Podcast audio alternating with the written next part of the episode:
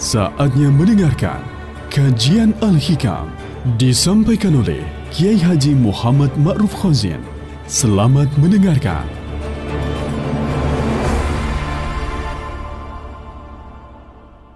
Assalamualaikum warahmatullahi wabarakatuh.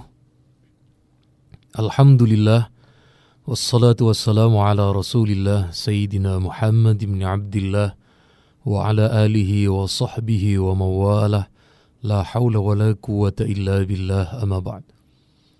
Mitra muslim yang dirahmati oleh Allah, alhamdulillah dalam kesempatan kali ini bersama saya Muhammad Ma'ruf Khazin kita melanjutkan kajian kitab Al-Hikam. Yang kemudian kita sudah menapaki beberapa tema yang akan kita urai secara lebih mudah, secara lebih mudah difahami secara penjabaran dan juga contoh-contohnya. Berikutnya, Imam Ibnu Atta'illah menyampaikan sebuah kata bijak, kata hikmah tentang bagaimana terkadang kita yang memiliki Tuhan Allah, kita sebenarnya tahu dan juga kita perlu mengenal siapa Tuhan kita. Oleh karenanya, ketika kita belajar dahulu kecil, kita diajari di pesantren ataupun di musola-musola kita tentang siapa Allah. Allah itu adalah zat yang satu. Allah juga tidak punya anak dan tidak diperanakkan Allah memiliki banyak sifat, di antaranya sifat maha mengetahui, maha mendengar, dan juga sifat-sifat yang lain, yang kebanyakan di antara kita mempelajarinya dalam sifat yang disebut dengan sifat wajib, Allah wujud, kidam, baqa, mukhalafatulil hawadis, dan sifat-sifat yang lainnya yang dimiliki oleh Allah. Mitra muslim yang dirahmati oleh Allah, Alhamdulillah, kita kemudian akan melanjutkan kajian dari kitab yang disampaikan oleh Imam Ibnu Atta'illah As-Sakandari bersama saya Muhammad Ma'ruf Khazin. Sekali lagi, ketika kemudian Allah memberi sebuah kesadaran dengan memperlihatkan tanda-tandanya kepada kita, maka kemudian hendaknya kita terus mendekat dan beribadah kepada Allah semakin yakin untuk beribadah dan melakukan kebajikan. Terkadang Allah memberi hal-hal tersebut bukan hanya kepada orang-orang yang memang dalam keseharian berlaku normal. Ada di antara beberapa ilmuwan misalnya, ketika dia kemudian bisa tembus ke antariksa, ataukah ketika dia menemukan penelitian-penelitian yang luar biasa, sehingga kemudian menyadarkannya.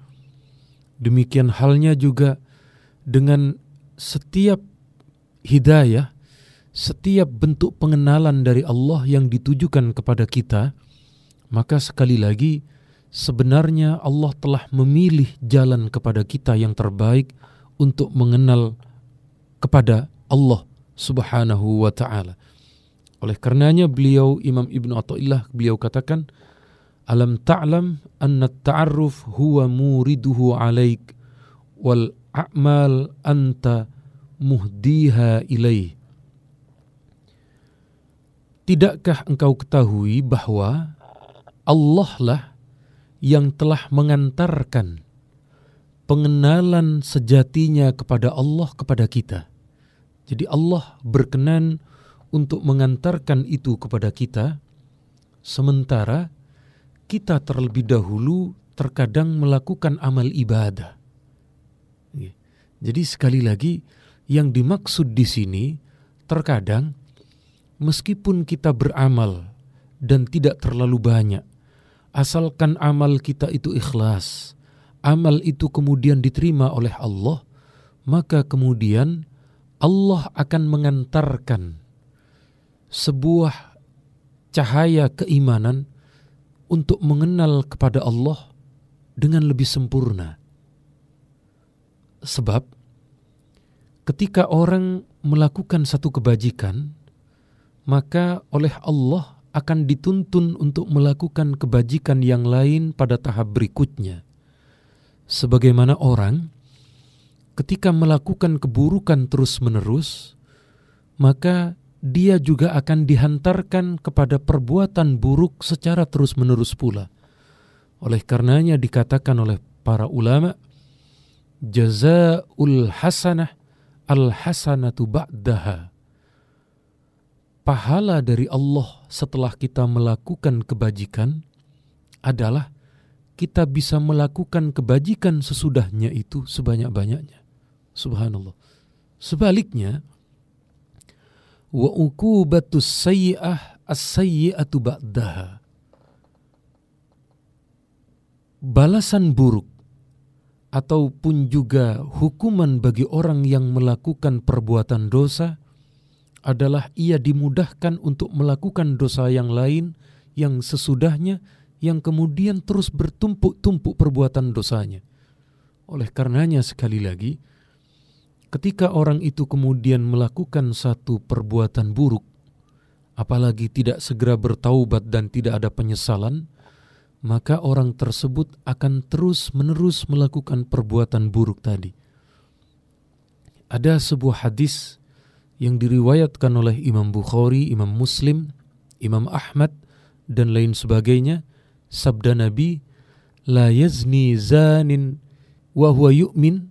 Kata Nabi, orang yang melakukan zina, saat dia berzina, Allah telah mencabut iman dari dalam hatinya. Kemudian wala yasriku sariku hina yasrik wa huwa mu'min. Allah juga mencabut keimanan seseorang ketika ia mencuri saat dia mencuri milik harta orang lain.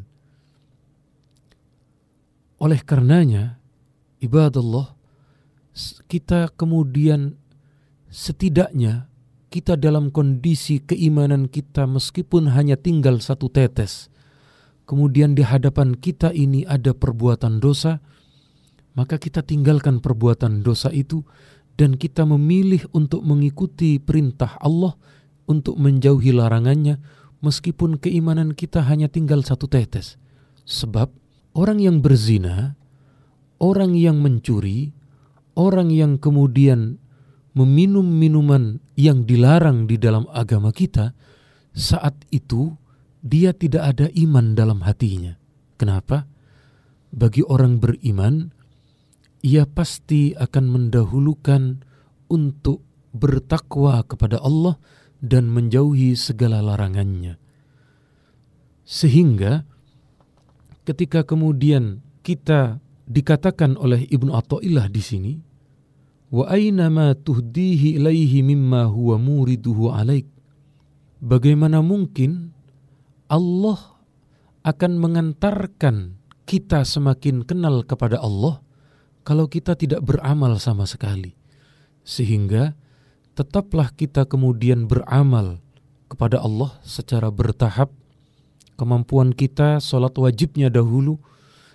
Kemudian ketika kita mampu dengan ibadah sholat sunnah rawatib. Kemudian dengan qiyamul lail dan ibadah-ibadah sunnah yang lain. Demikian halnya ketika kita mampu maka dahulukan yang wajib terlebih dahulu yaitu zakat. Setelah zakat kemudian kita lanjutkan dengan yang sunnah. Misalnya adalah sedekah, misalnya lagi adalah infak, atau mungkin wakaf dan juga perbuatan-perbuatan bajik yang lainnya.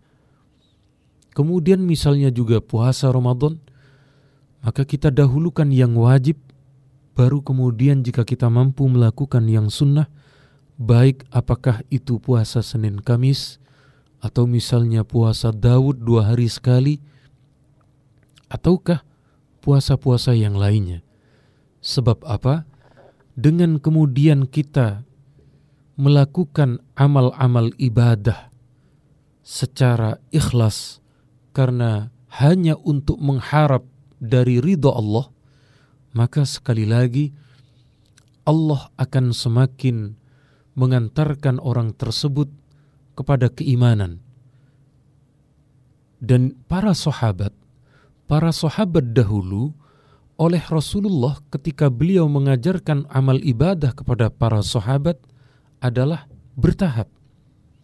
ketika para sahabat terlebih dahulu diajarkan yang wajib setelah mereka kemudian begitu kata orang biasanya kita menyebutnya itu berpegang teguh yang wajib itu benar-benar teguh mereka mereka pegang maka kemudian Rasulullah menambah dengan amalan ibadah sunnah ketika kemudian mampu melaksanakan ibadah sunnah dan telah dipegang teguh maka kemudian akan dilanjutkan dengan ibadah-ibadah berikutnya. Sehingga pada 23 tahun Rasulullah bersama para sahabat, para sahabat itu adalah orang-orang yang luar biasa ibadahnya karena mereka diajarkan oleh Nabi secara bertahap, secara diawali dengan keikhlasan untuk beribadah, kemudian terus-menerus pada akhirnya semakin meningkat semakin tinggi, semakin banyak, dan semakin terasa ringan karena sudah tidak merasa terbebani, tetapi merasa sebagai bentuk kebutuhan, keperluan bagi dirinya untuk senantiasa beribadah dan menyembah hanya kepada Allah Subhanahu wa Ta'ala. Mitra Muslim yang dirahmati oleh Allah, cukup sekian hadanallahu iyyakum. Assalamualaikum warahmatullahi wabarakatuh. Baru saja Anda mendengarkan kajian Al-Hikam disampaikan oleh Kiai Haji Muhammad Ma'ruf Khozien. Terima kasih Anda telah mendengarkan.